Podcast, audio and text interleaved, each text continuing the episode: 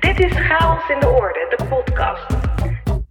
Ik ben Rachel Levy en in deze podcast ga ik ontrafelen hoe we oude patronen kunnen doorbreken en hoe we meesters kunnen worden in creativiteit en innovatie. Een paar jaar geleden woonde ik een openbaar college bij van de politie. Het ging over een moordonderzoek en hoe de politie er uiteindelijk in slaagde de hele puzzel te leggen en een mysterie op te lossen. Ze gaven onder andere een inkijkje in het onderzoek op de plaats delict. Dit onderzoek hing aan elkaar van regels en protocollen, met als doel zelf zo min mogelijk sporen achter te laten in de omgeving en het onderzoek niet te besmetten. Dit is het vierde seizoen van Chaos in de Orde. Toen ik begon, zag ik onze kantoren ook als een soort plaatsdelict. Er was misschien geen dader, maar wel heel veel slachtoffers. Slachtoffers van een overgereguleerde omgeving, waarin werkdruk en waan van de dag ervoor zorgen dat alle creativiteit in de kiem wordt gesmoord. Nu realiseer ik me dat wij in ons onderzoek niet bezig zijn met het schoonhouden van de plaatsdelict, maar deze juist willen besmetten. Dat we juist zoveel mogelijk sporen willen achterlaten. Sporen van creativiteit om anderen te inspireren. Ik kreeg de vraag of het is gelukt. Nou ja, die vraag kan ik beter aan jou stellen als luisteraar. Is het jou gelukt om dingen te veranderen? Hoe klein of hoe groot die verandering ook is. In dit gloednieuwe seizoen van Chaos in de Orde krijg je meer inspiratie, meer perspectieven en meer interessante overpeinzingen. De vraag blijft: hoe komt het toch dat we ondanks alle vervelende effecten als burn-out, bore-out en lekkende energie toch vasthouden aan een agenda vol meetings, een mailbox vol taken die over de schutting zijn gegooid en protocollen die elke vorm van initiatief wegnemen. En natuurlijk belangrijker, hoe kunnen wij dit doorbreken en met meer energie, creativiteit en authenticiteit ons werk doen? Nieuw in dit seizoen is dat we inspiratie van professionals af gaan wisselen met ervaringen op de werkvloer. Want ik was natuurlijk ook heel benieuwd hoe het mensen in praktijk afgaat, wanneer ze in hun organisatie proberen de boel een beetje op te schudden. We starten het seizoen goed met een tweedelige aflevering. Eerder in de serie zocht ik al eens inspiratie in de natuur, maar de natuur blijkt een onuitputtelijke bron van inspiratie. Zeker als je het aan Erik de Blok vraagt. Erik de Blok is zooloog, psycholoog en veranderkundige. En al die vakkennis combineert hij.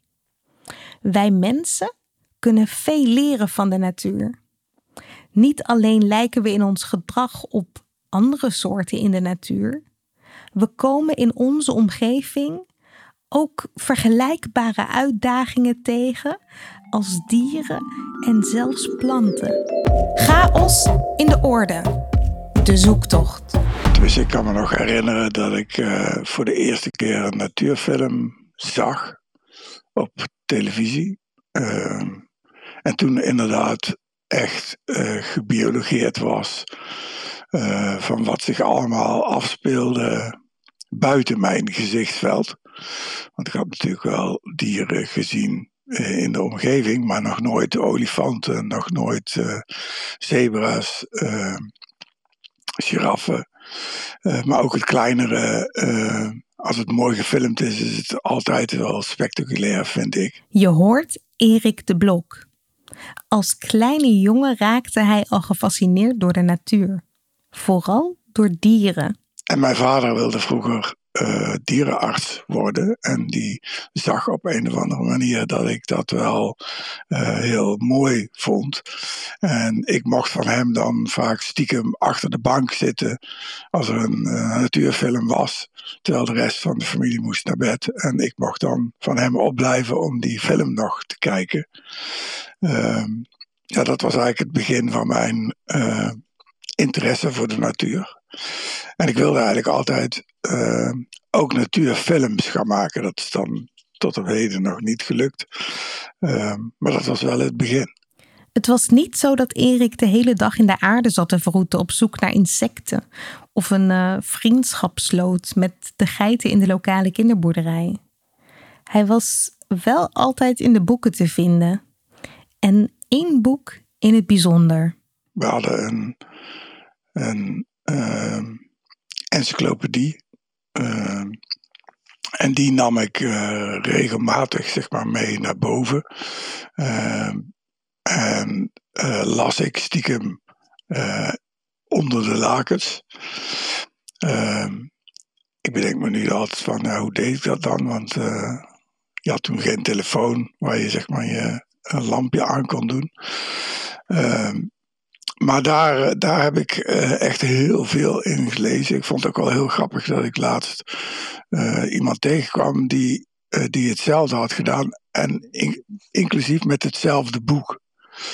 En toen hadden we het er nog over van welk dier wij nou eigenlijk het vaakst gelezen hadden.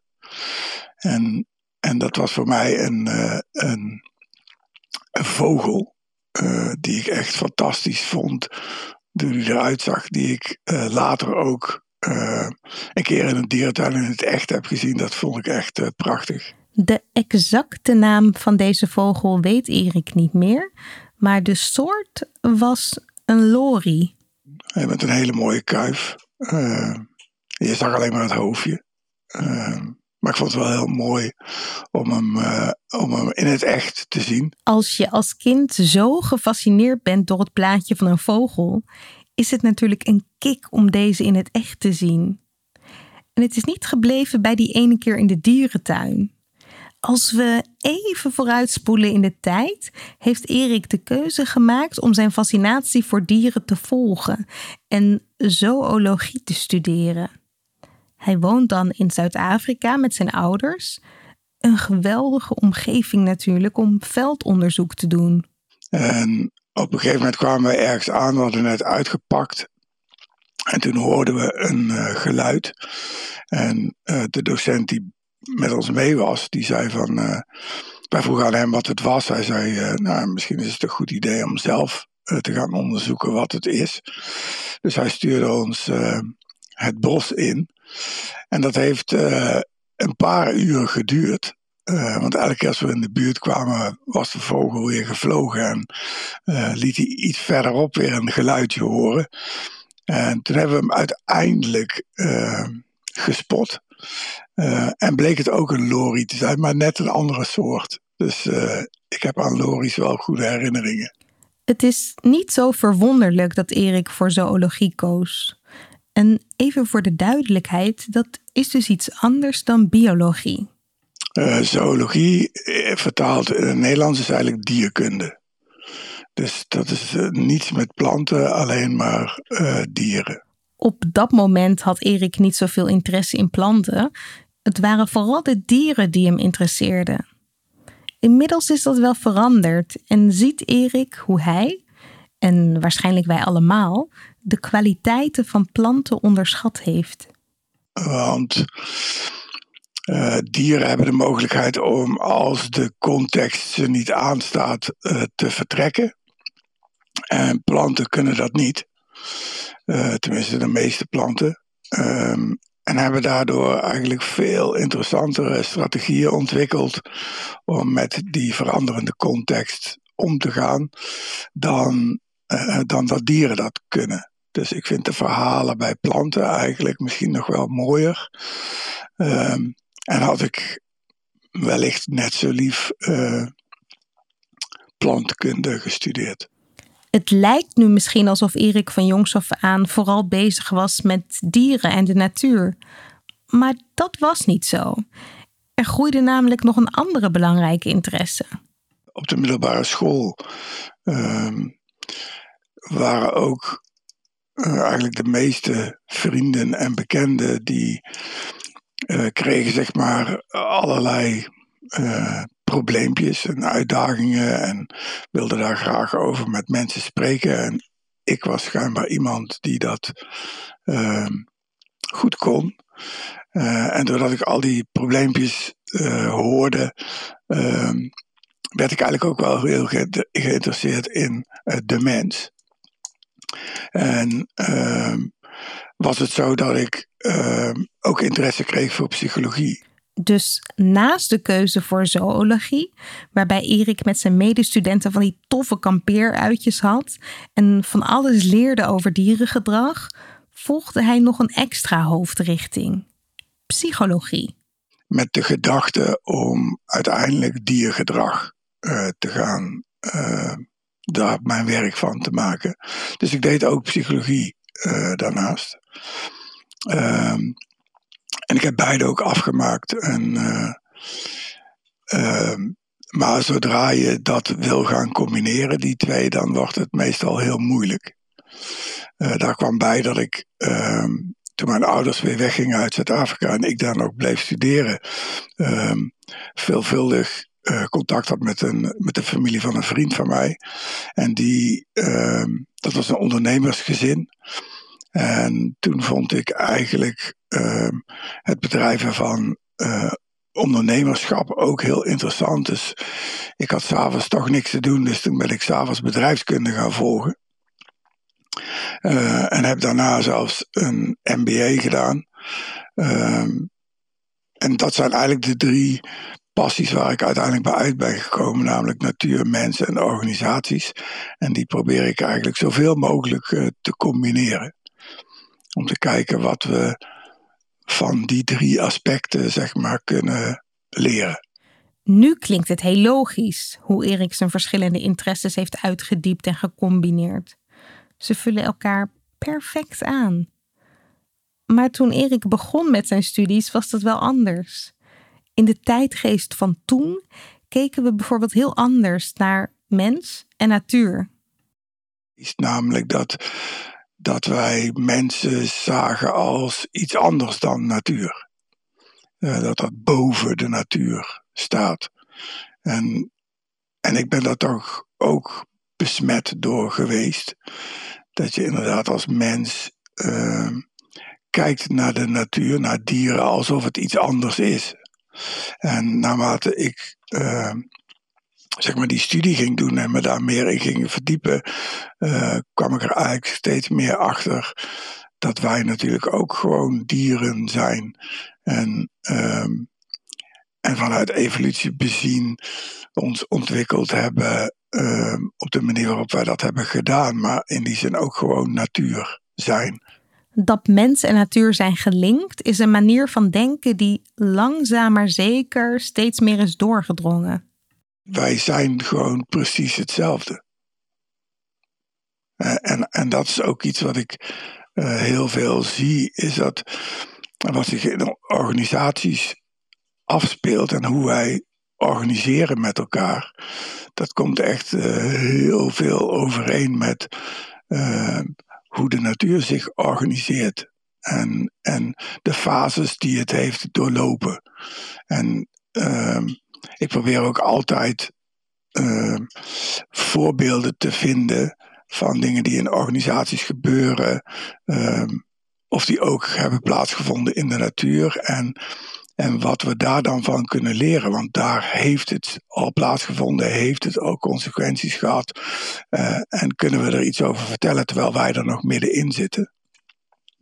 Uh, om daar een voorbeeld van te geven, uh, als het over innovatie gaat, dan, ehm, dan is een van de dingen die, die heel veel ondernemers graag willen op dit moment, is eh, het vinden van een wat we dan noemen een disruptieve innovatie. Denk even aan de Airbnb's, aan de Ubers, uh, Gorilla.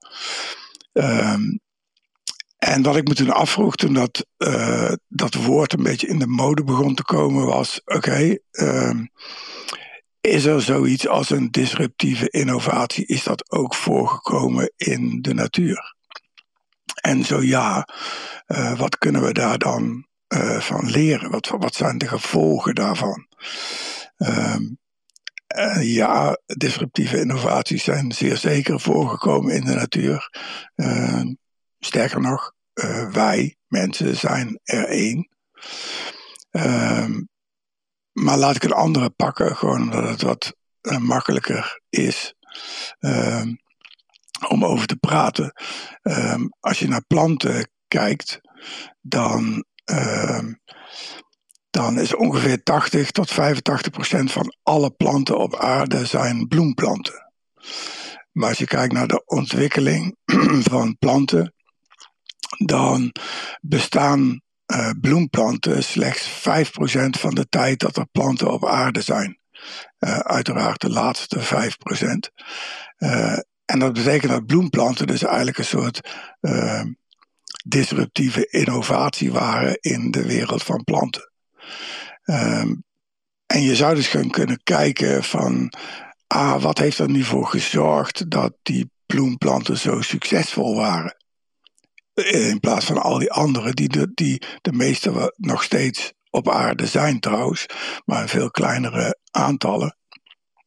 Maar wat maakt ze uh, zo succesvol of heeft ze zo succesvol gemaakt? En kunnen wij dat uh, gebruiken als we zelf een disruptieve innovatie zouden willen uh, bewerkstelligen?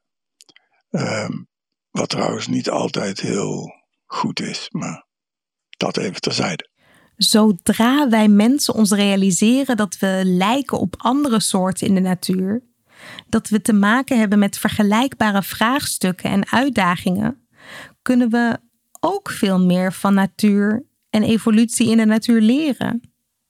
Neem het voorbeeld van de bloemplanten. Of dit een disruptieve innovatie is die uiteindelijk goed blijkt voor de natuur of niet, ja, dat weten we nu nog niet. Alles is natuurlijk nog in ontwikkeling. We weten niet alles van uh, hoe dat, dat is gebeurd en, uh, en wat de consequenties ervan zijn, want die lopen nu nog steeds. Um, maar we weten wel een aantal dingen um, die ik ook altijd wel uh, gebruik. namelijk, um, er zijn een aantal kenmerken van bloemplanten uh, die anders zijn dan andere planten. En een aantal zorgen er eigenlijk voor dat ze heel succesvol zijn. En een daarvan is dat ze eigenlijk zijn gaan samenwerken met. Ehm, en weet wel dat de, de, taal die ik gebruik, daarmee vermenselijk ik het verhaal. Dus niet dat planten hebben gedacht van laten we eens dit doen of laten we eens dat doen. Uh, of dat er een of ander uh, groot plan achter zat. Uh, maar door voor het gesprek vermenselijk ik het even. Ehm, eh, planten zijn gaan samenwerken met hun grootste concurrent, eh, namelijk insecten. Ehm, waar planten zich in veel gevallen erg moeten beschermen tegen vraat en uh, insecten, um, hebben zij iets gevonden, namelijk bloemen, um, die um, ervoor gezorgd hebben dat uh, insecten zijn gaan meewerken in de verspreiding en de bestuiving van, van deze planten. En dat heeft er eigenlijk voor gezorgd dat ze, je ze overal ter wereld uh, vindt. Um, het tweede wat ze eigenlijk uh, hadden, um, en er waren al eerder planten die dat hadden, maar zij hebben dat uh, een beetje vervolmaakt. Ik zal zo uitleggen hoe ze dat gedaan hebben. Um, er zijn zaden.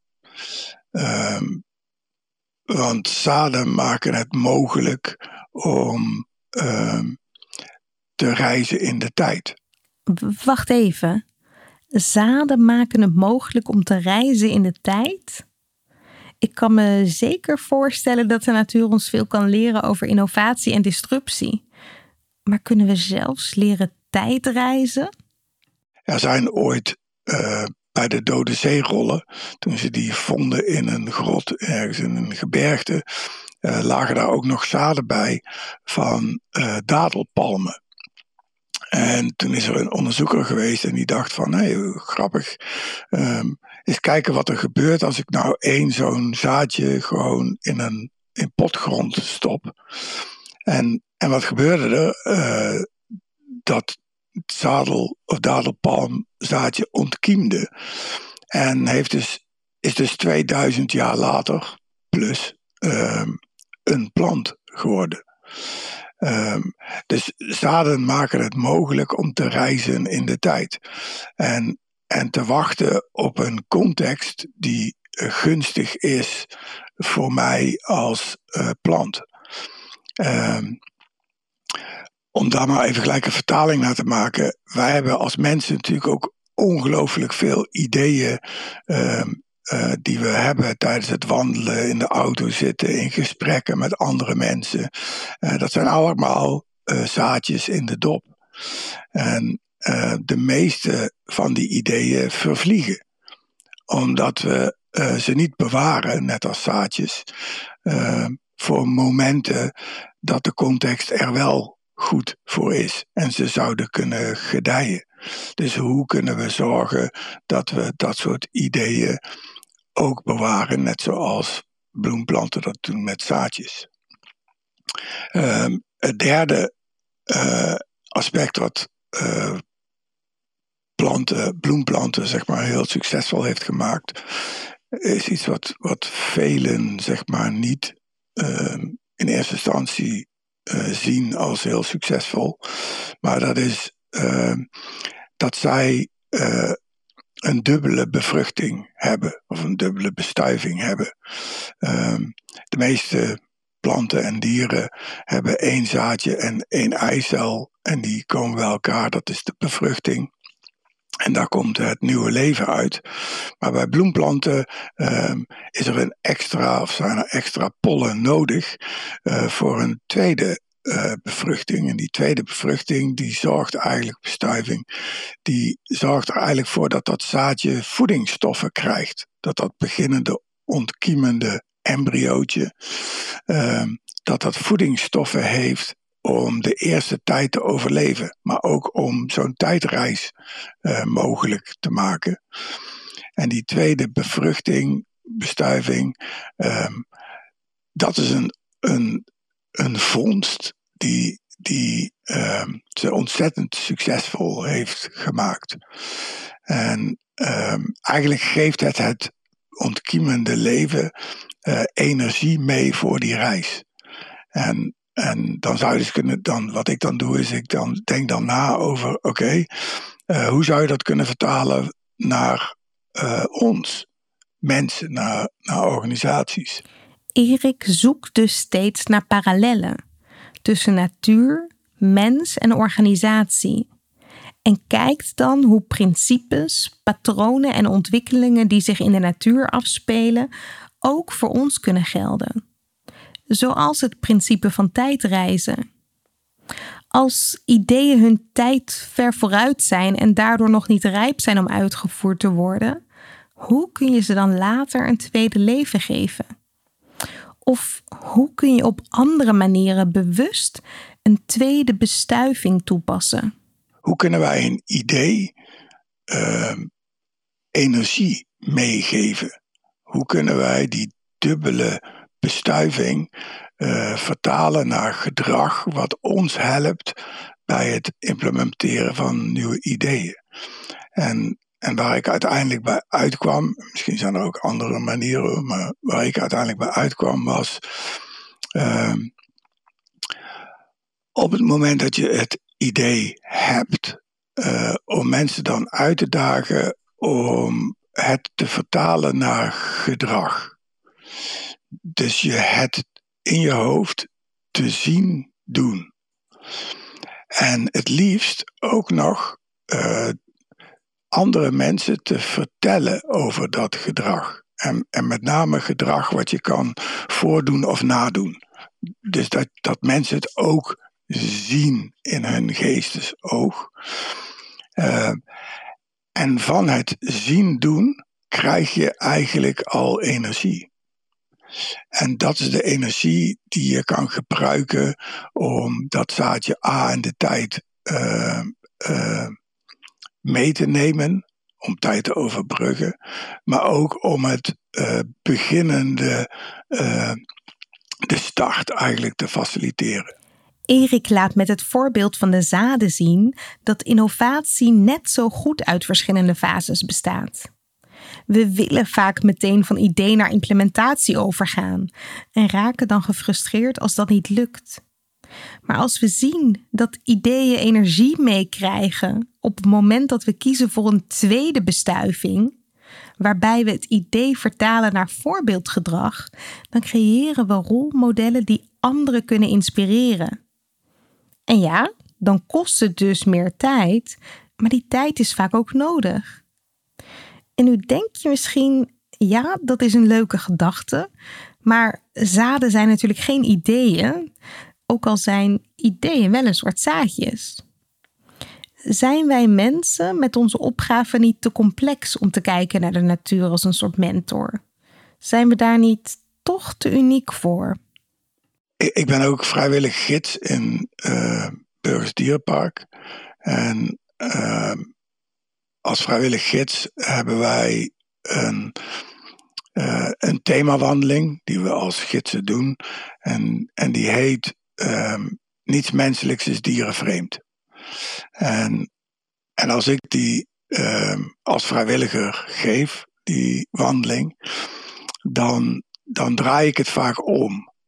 Um, wat ik dan aan mensen vraag als ze in het begin, uh, als we even hebben kennis gemaakt, is uh, noem eens uh, een aantal dingen op waarvan jullie denken dat die uniek menselijk zijn. En dan beginnen mensen dingen te roepen. Eén uh, uitzondering uh, is dan van uh, dat ze niet mogen noemen dat wij bepaalde spullen hebben. Dus ja, wij zijn de enige diersoort met een televisie of met een horloge. Dus moeten, dat soort dingen niet, maar alle andere dingen mogen ze opnoemen. En dan, um, als dat lijstje compleet is, mensen klaar zijn met opnoemen, dan begin ik aan de wandeling. En um, haal ik eigenlijk het merendeel van de dingen die mensen genoemd hebben, die uh, laat ik zien dat die niet uniek menselijk zijn. Er zijn maar heel weinig uh, dingen uniek menselijk. Uh, en dat komt door waar ik in het begin mee begon, namelijk dat wij ehm, heel lang gedacht hebben dat wij heel verheven zijn. En dat wij ehm, boven de natuur staan. Of misschien zelfs voor sommige mensen iets anders zijn dan de natuur. Uh, en vaak helemaal niet zo goed gekeken hebben naar wat er zich daadwerkelijk afspeelt in de natuur. Uh, vaak ook niet de geduld ervoor hebben om heel lang te kijken. En heel snel conclusies te trekken op, op iets wat we, wat we zien. En uh, zoals Frans de Waal heeft daar bijvoorbeeld een mooi boek over geschreven. Uh, zijn wij mensen slim genoeg om te weten hoe slim dieren zijn? Um, en dat gaat eigenlijk over deze vraag. Van, um, zijn er, denken wij niet veel te simpel over uh, wat uniek menselijk is en onze bijzondere gaven?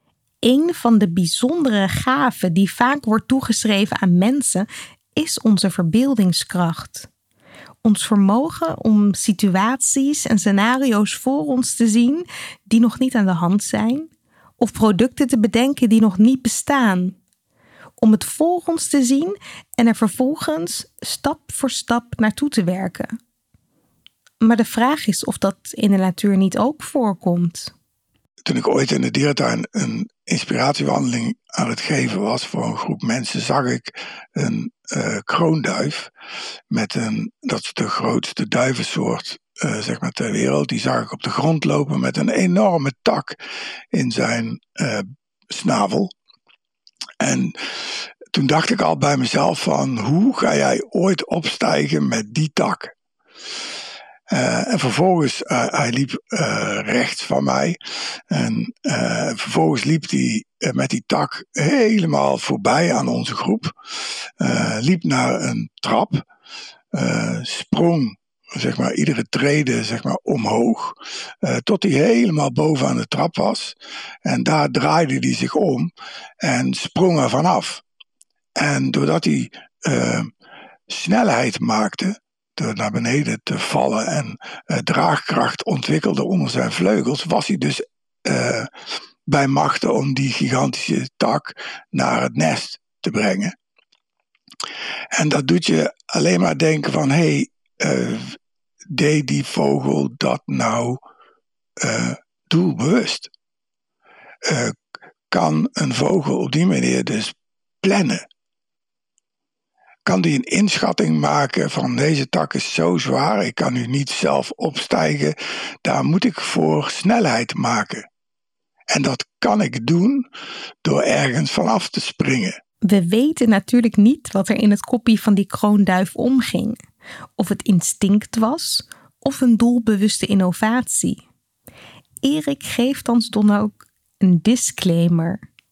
Ja, de natuur is een onuitputtelijke bron van inspiratie, maar zie het ook vooral zo, als inspiratie. Doordat er zoveel strategieën zijn ontstaan in de natuur, is er eigenlijk altijd wel iets te vinden, als je goed kijkt, voor een idee of ideologie die wij als mensen bedenken. Um, en dan zou ik dus altijd kunnen zeggen van kijk, mijn idee is een goed idee, want uh, zie hier, in de natuur gebeurt dat ook. Um, ik zeg dan er ook altijd bij tegen mijn toehoorders van uh, weet dat ik dat ook doe. Um, dus uh, ik gebruik de natuur eigenlijk meer als mogelijke oplossingsrichtingen. Dus, dus ik verkondig niet, we moeten het zo doen, want de natuur doet het zo. Dat is een ideologie. Um, maar weet dat er heel veel oplossingsrichtingen zijn. En door die te laten zien, zouden we kunnen kijken naar: hé, hey, wat is passend voor ons? Uh, kunnen we daar iets mee? De natuur kan dienen als spiegel. Of om ons interessante scenario's te geven, waarmee we vervolgens kunnen verkennen wat voor ons relevant is. Daarmee kan het onze menselijke innovaties versnellen, maar nooit op een manier die ons kant-en-klare oplossingen biedt. Er zit altijd uh, onze interpretatie tussen. En de wereld is veel complexer dan, uh, dan wij aan kunnen, denk ik. De natuur is veel complexer dan we denken.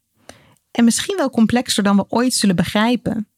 We denken slimmer te zijn, maar wij kijken vaak over de voor de hand liggende oplossingen heen. Ik laat mensen in het begin van, van mijn lezingen ook vaak een plaatje of een aantal plaatjes zien met de vraag uh, welk geometrisch figuur zie je hier niet? En uh, het grappige is dat uh, elke keer als ik dat doe, dan het eerste wat mensen roepen is een vierkant. En en ik denk dan al bij mezelf, waarom uh, zo ingewikkeld? Uh, want waar het uiteindelijk over om gaat, is een rechte lijn. Uh, in de natuur bestaan geen rechte lijnen. Dus de natuur doet niet aan rechte lijnen.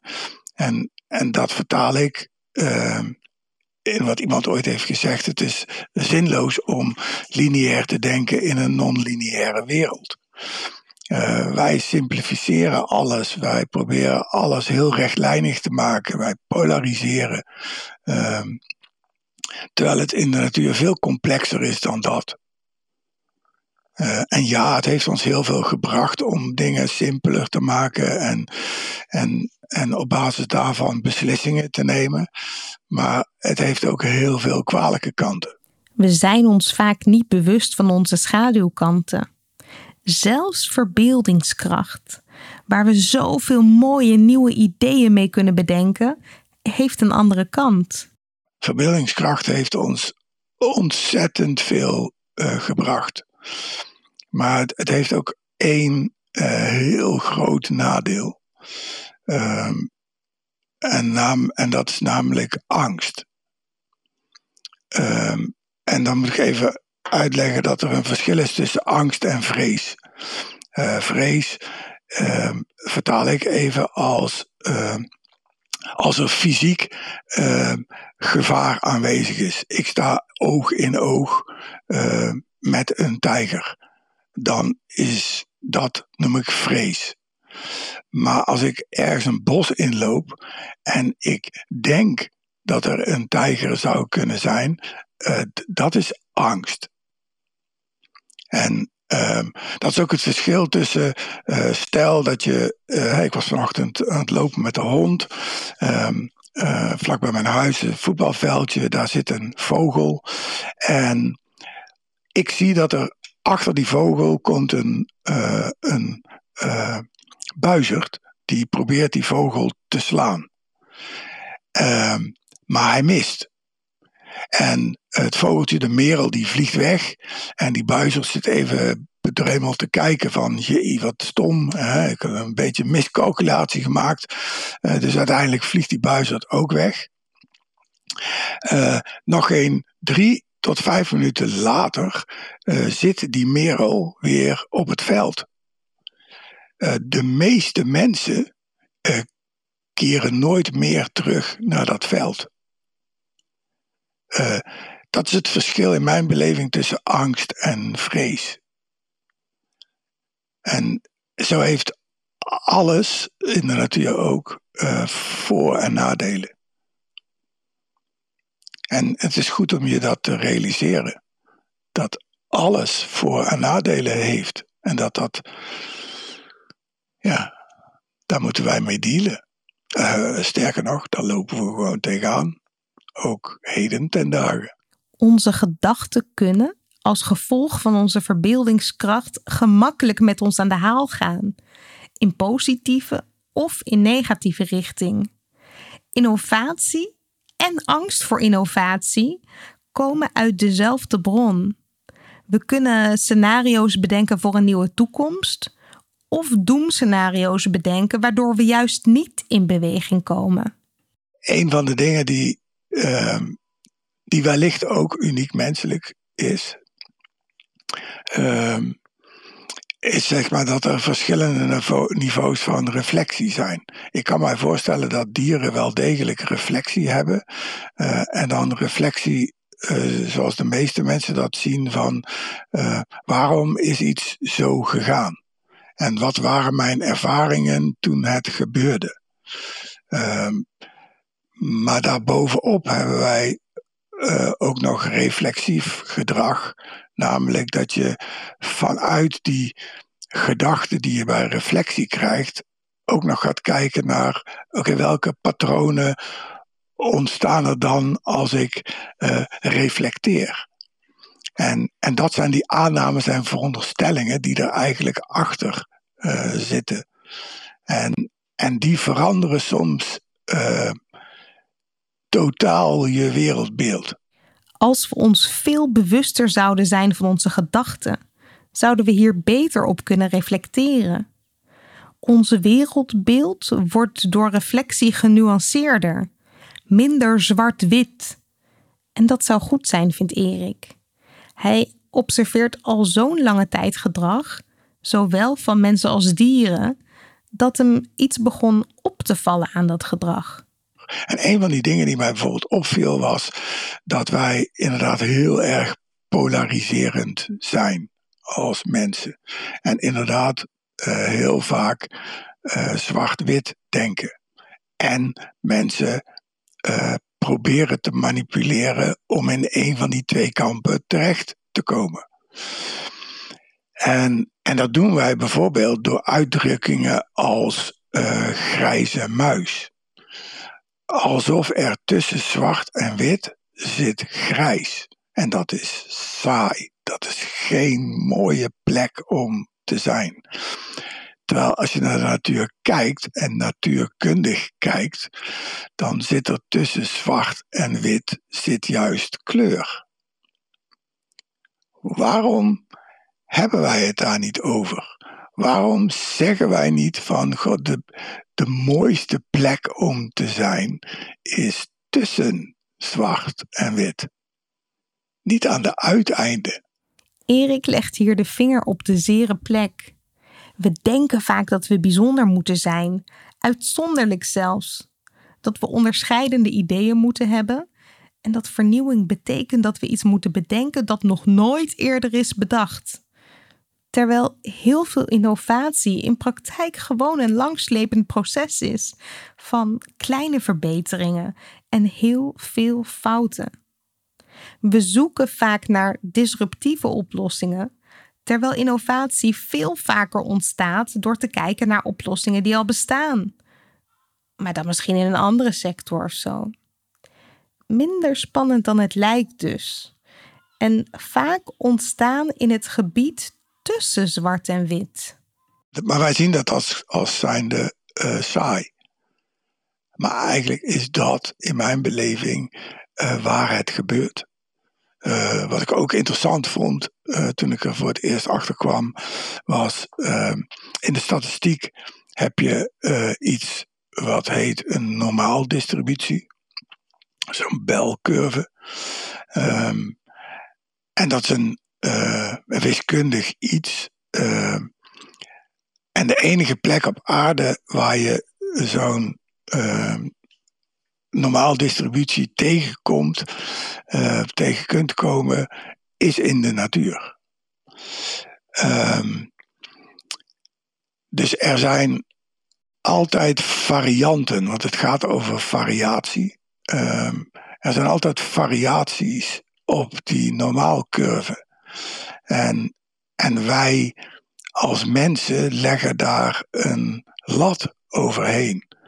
En cultuur bepaalt waar die uh, lat ligt.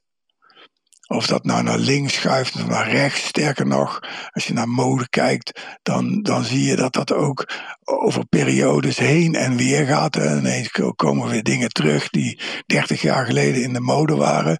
Nou, datzelfde geldt met uh, gedachten die wij hebben als het gaat over zwart en wit uh, uiterste.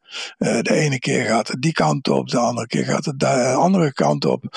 Uh, en we zien maar niet in mijn beleving dat het in het midden hoort te zitten. Uh, sterker nog, dat midden schuift trouwens ook op. Het is niet dat het een statische normaaldistributie is. Want uh, als er één ding is wat de natuur laat zien, is dat het zich kan aanpassen aan een veranderende context.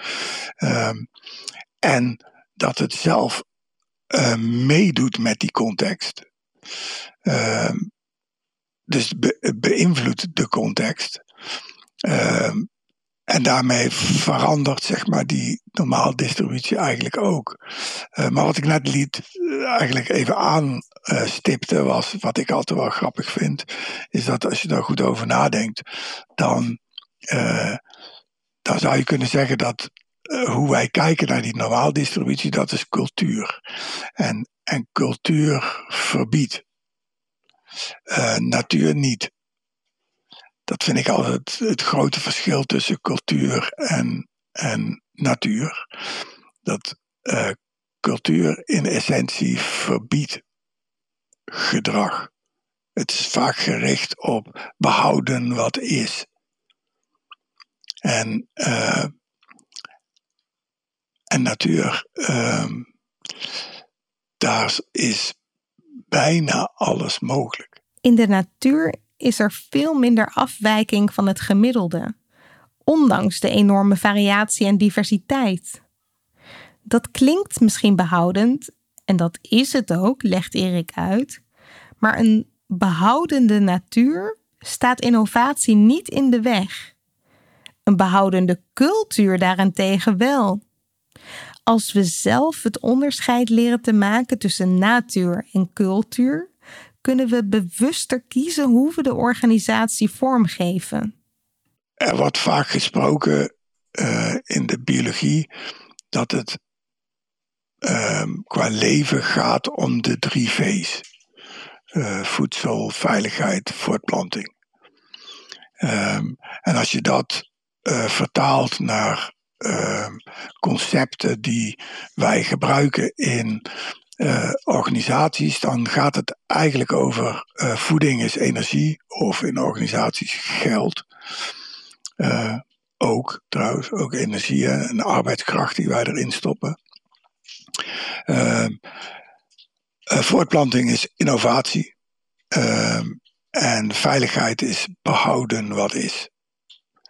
En, en dat ehm, in mijn beleving is de essentie van ehm, het bedrijven van een organisatie, het managen, namelijk uh, steeds kijken naar waar stop ik mijn energie in. Uh, stop ik mijn energie in uh, dat wat zich aandient in de context qua innovatie, wat daarvan zou ik willen bestendigen? En B, ehm, wat van wat ik al heb zou ik willen behouden? Of wat van wat ik heb moet ik eigenlijk loslaten?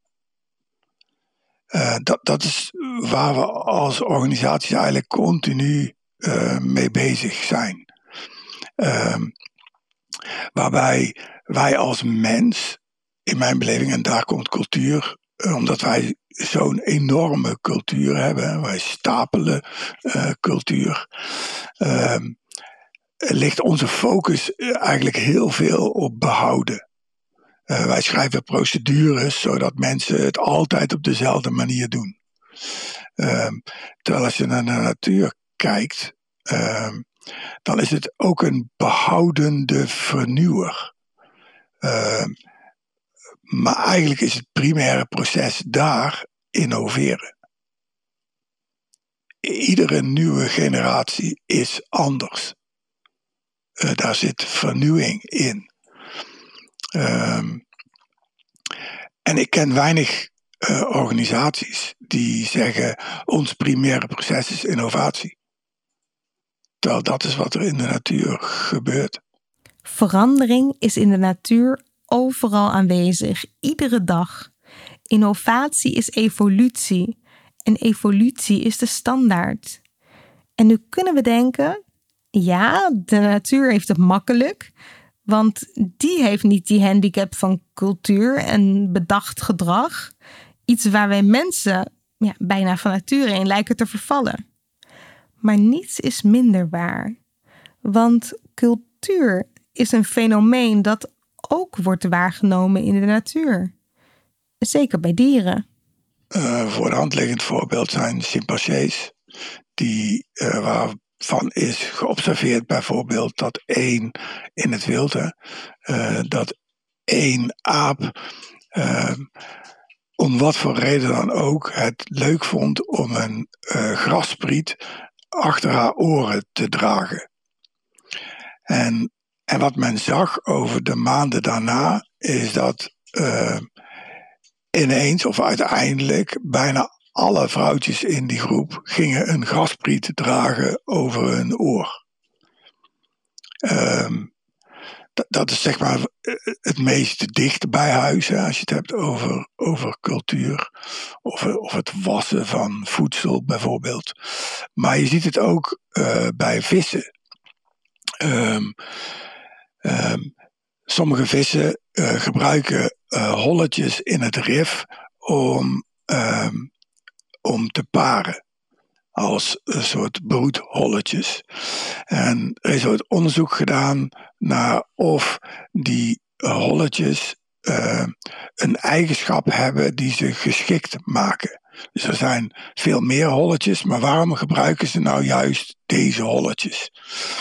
Uh, en wat ze toen hebben gedaan, is ze hebben al die visjes van die soort hebben ze uit een gebied weggevangen. Uh, in een ander gebied of een aquarium, dat weet ik even niet meer gehouden.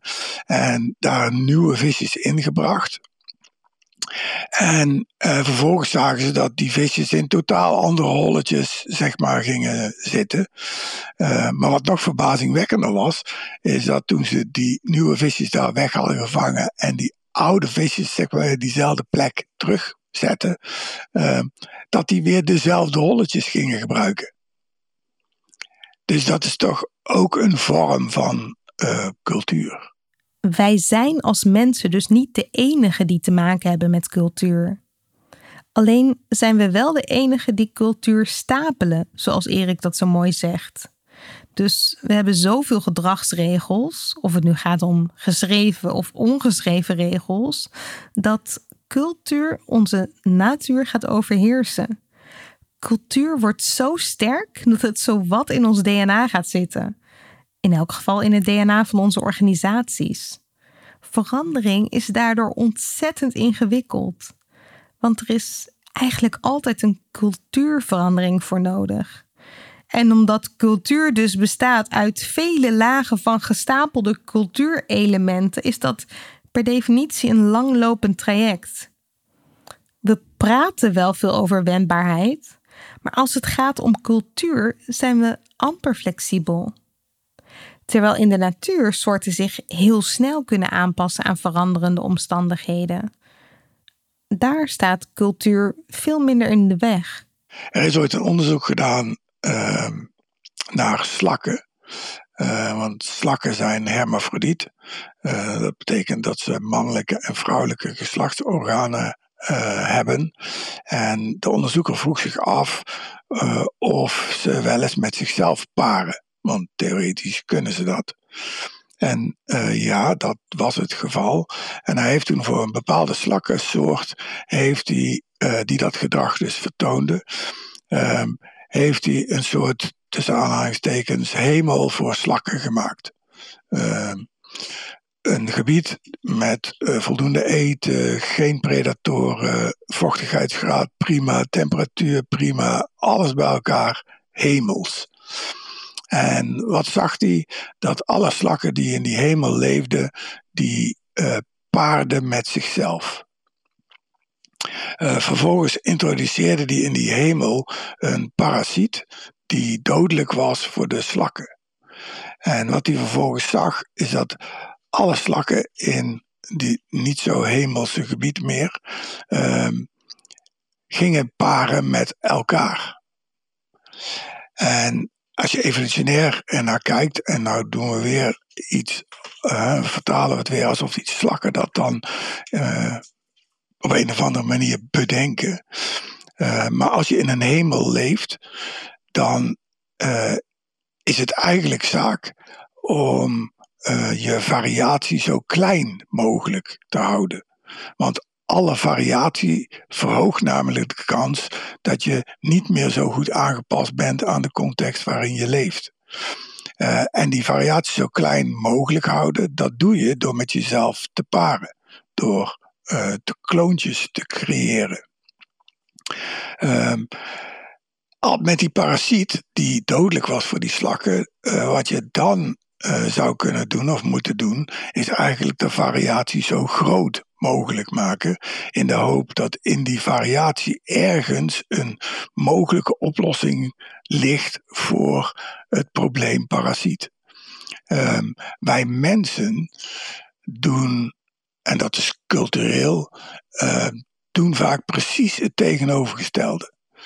Uh, in tijden van hoogconjunctuur uh, gaan wij diversificeren, gaan wij bedrijven overnemen, gaan wij groeien. Uh, allemaal dingen die de variatie zo groot mogelijk maken. En in tijden van recessie stoten wij bedrijfsonderdelen af. Schoenmaker, terug naar je leest. laten wij mensen afvloeien. wij maken de variatie eigenlijk zo klein mogelijk.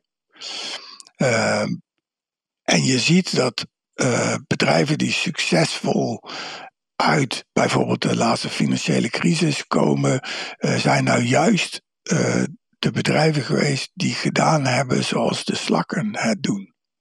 Namelijk die in tijden van crisis uh, juist samenwerkingen zijn aangegaan, juist gezocht hebben naar andere manieren van werken, naar innovatie hebben gestimuleerd, de variatie zo groot mogelijk hebben gemaakt. De behoefte aan innovatie is het grootst in tijden van crisis.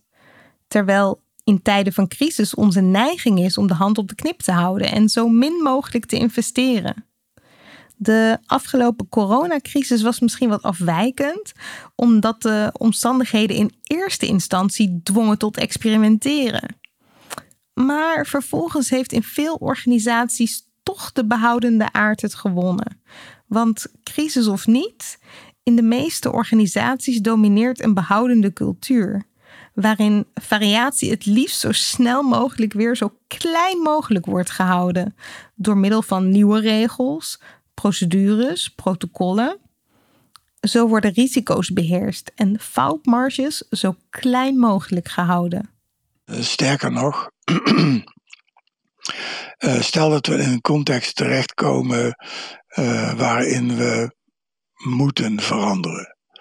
Um, wat wij dan vaak doen, is uh, wij formeren een werkgroep.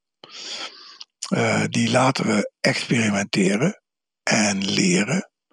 En uiteindelijk komt er uit die werkgroep een best practice.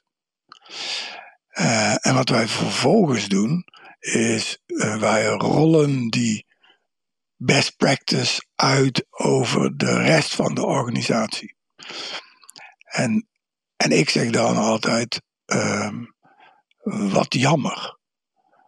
Um, want wij hebben zeg maar de rest van de organisatie, die 99%, uh, de kans ontnomen om te leren. Um, en als we dat maar lang genoeg doen, dan ontneem je de mensen de kracht om te leren.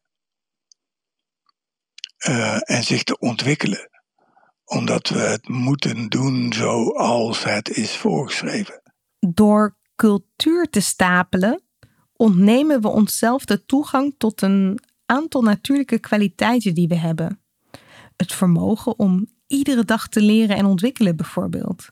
Of het vermogen om vanuit verbeeldingskracht nieuwe dingen te ontdekken of zelf vorm te geven.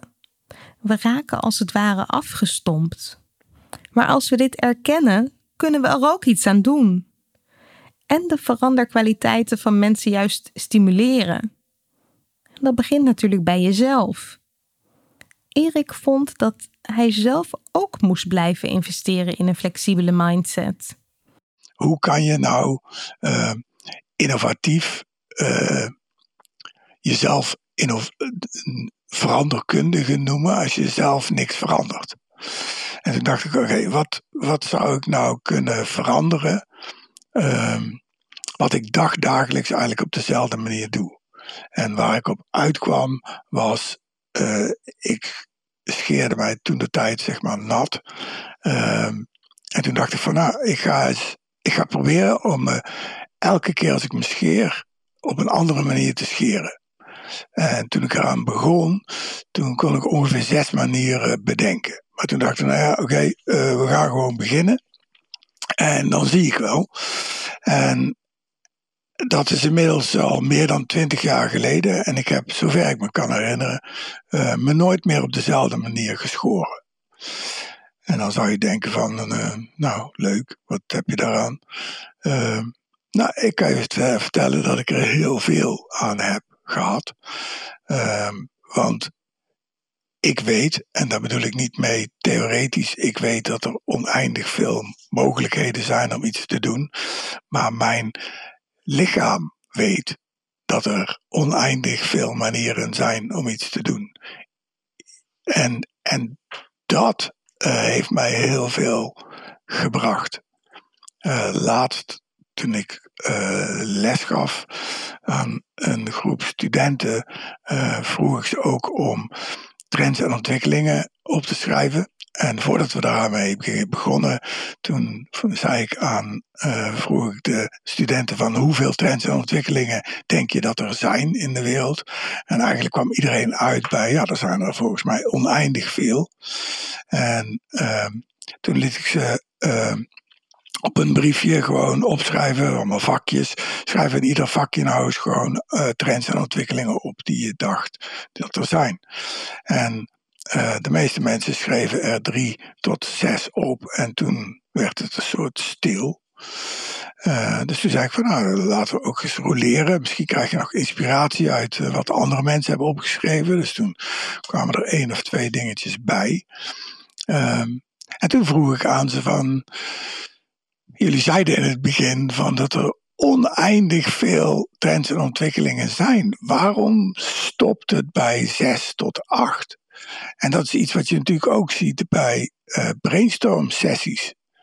Uh, dat de meeste mensen na drie of vier dingen, zes, uh, ja, zijn ze zo'n beetje klaar. Terwijl ik weet dat er oneindig veel manieren zijn om iets te doen. En dat is ook wat de natuur laat zien. Dat er heel veel strategieën zijn om iets te doen. Wij mensen zijn een disruptieve innovatie. En tegelijkertijd zijn we door de enorme hoeveelheid cultuur die we hebben ontwikkeld, misschien een beetje vergeten te vertrouwen op de oneindige hoeveelheid aan mogelijkheden die we tot onze beschikking hebben. Vinden we innovatie daarom zo lastig en hebben we speciale verandermanagers nodig?